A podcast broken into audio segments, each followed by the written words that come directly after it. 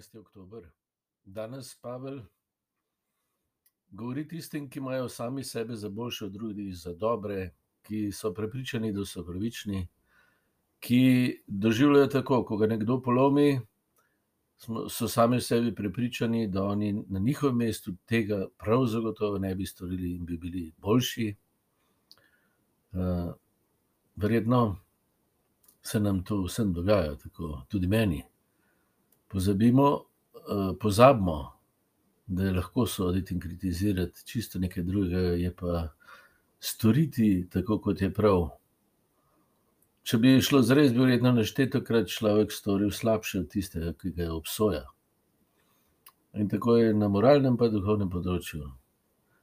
a ne, ko vidim krivico, sem sam pri sebi prepričan, da je jaz zagotovo ne bi naredil, ampak bi ravnal prav.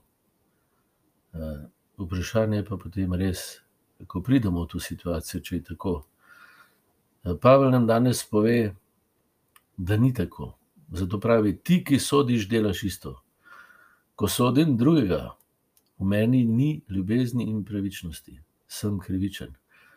Ko sodim, se dvignem nad drugega, zaprem svojo oholo sebičnost, in ostanem sam. Saj imam za več.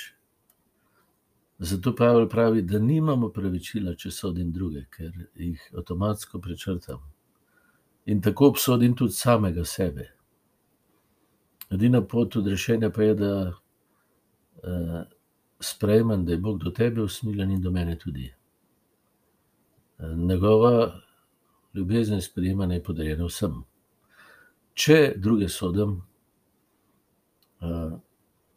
pa ravno tega ne sprejemam. Ne božjega do mene ne do tebe.